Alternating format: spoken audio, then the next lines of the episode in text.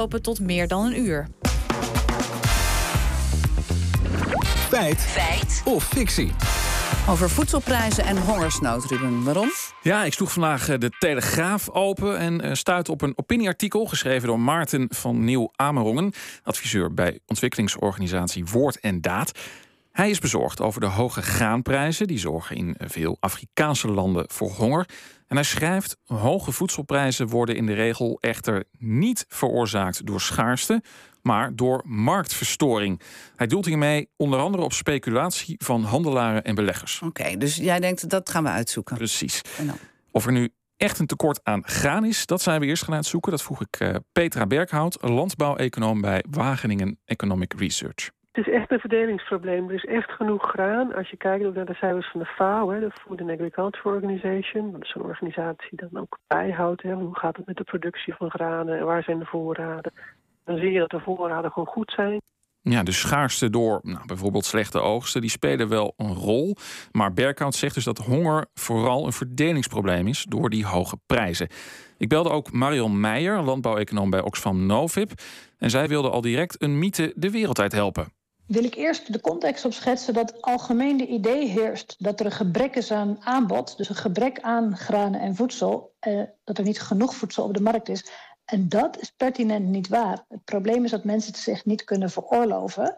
Maar we produceren wereldwijd genoeg voedsel om de hele wereldbevolking van te voorzien. Alleen mensen kunnen er niet bij. Oké, voedsel genoeg, maar de prijs is voor veel landen te hoog. Waar komen dan bijvoorbeeld die, die hoge graanprijzen vandaan? Ja, mislukte oogsten en de oorlog in Oekraïne die hebben een prijsopdrijvend effect.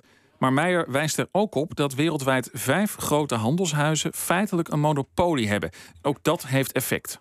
Dat er enorme marktconcentratie is bij de grote handelshuizen. Dan heb ik het over de ABCD's. En die spinnen heel goed garen nu bij die gestegen prijzen. Ze hebben 70 tot 90 procent van de graanmarkt in handen. Ze hebben recordwinsten gemaakt de afgelopen jaar. Zij hebben die graanmarkt in handen.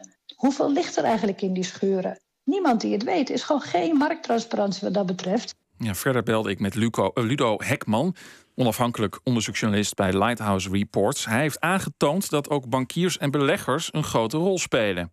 Wij hebben kunnen laten zien dat er een enorme toestroom van, uh, van geld is geweest naar voedselcommodities.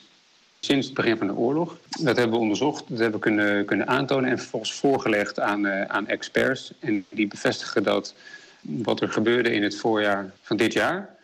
Dat de voedselprijs uh, voor een aanzienlijk deel is veroorzaakt door speculatie. Dus door een toename van beschikbaar geld voor de aankoop van voedselgerelateerde financiële producten. Meestal zijn het dan futures. Ja, en deze speculaties die, die spelen dan echt een grote rol dus op de voedselmarkt? Ja, Hekman zegt dat speculaties op de markt grote gevolgen hebben.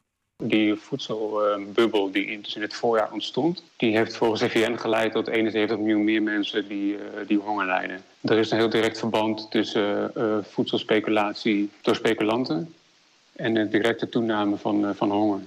Gaan we terug naar het begin. De hoge voedselprijzen worden niet door schaarste, maar door marktverstoringen veroorzaakt. Is dat feit of fictie? Ja, schaarste speelt een rol, maar in principe is er genoeg voedsel op de wereld voor iedereen. Dus hongersnoden en hoge prijzen komen vooral door marktverstoringen. En die marktverstoringen komen dan weer door oorlog, monopolisten, door speculanten. Ja, het is dus